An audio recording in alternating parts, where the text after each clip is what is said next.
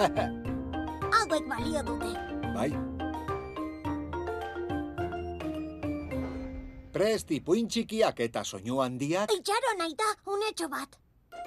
Ra, ra. Mm, La la la la la la la la la la. Primeran, orain bai, grabatzera semedan bor, Eta ita txor-txor, biok aurkeztuta, ipuin txiki, Soinu handi. gaur gurekin... Nire lagun berdinak, Diego Fernando Sánchezen ipuina. Kaixo, hau Adrian da, Brenda eta Camilo ezagutu zituen eguneko historio polita kontatuko dizuegu. Zoragarria izan zen, orain nire bi lagunik onenak dira.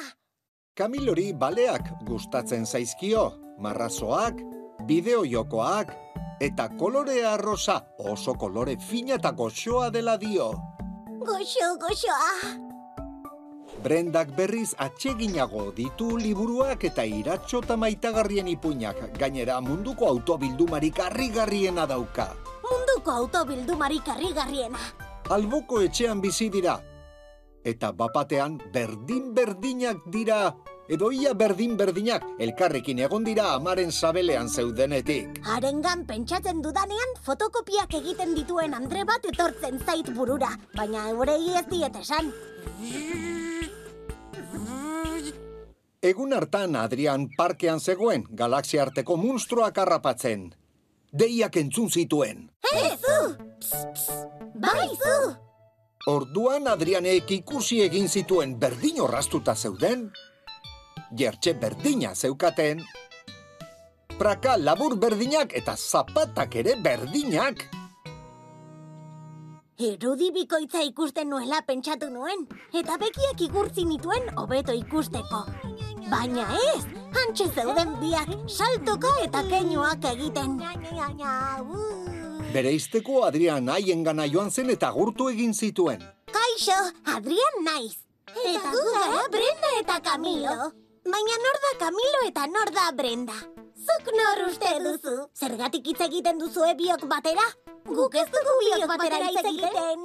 Eh, ez egin hori. Nor da Camilo? Mutila nor den jakin behar dut arekin harineketan jolastu ahal izateko. Adrianek urbiletik aztertu zituen, detektibea baliz bezala. Eta garaipen oiua egin zuen. Hauxe da Camilo. Orduan berak sotzez eta plastilina egindako robota atera eta eman egin zion, gero adar bakarraren marrazkia atera eta brendari ere berdin, harkartu bai, baina nazkaz begiratu zion. Neskei adar bakarrak asko gustatzen zaizkie eta Orduan brendak hurbildu eta belarrira esan zion. enaiz Brenda ordea, ni Camilo naiz. Ta barreka hasi zen.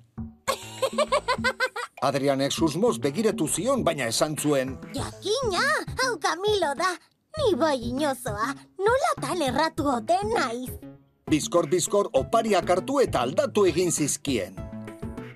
Adar bakarrak politak dira, baina aspergarri samarrak. Baina, baina, nor da nor? Adrian belar gainean etzan zen eta Brenda eta Camilo haren gainera joan ziren. Nik oraindik enekien nor zen nor, baina konturatu nintzen bataren eta bestearen besarkadak berdin-berdinak zirela. Hirurak jolastu ziren arratsalde osoan poz eta laitasun zurrunbilo bihurtu arte. Pozik ibili ginen arratsalde osoan, eta oraindik lagunak gara. Brenda, Brendo, Camilo, Camila, eta ni, eta ni!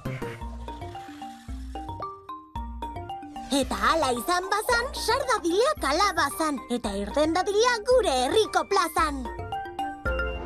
Tarararara,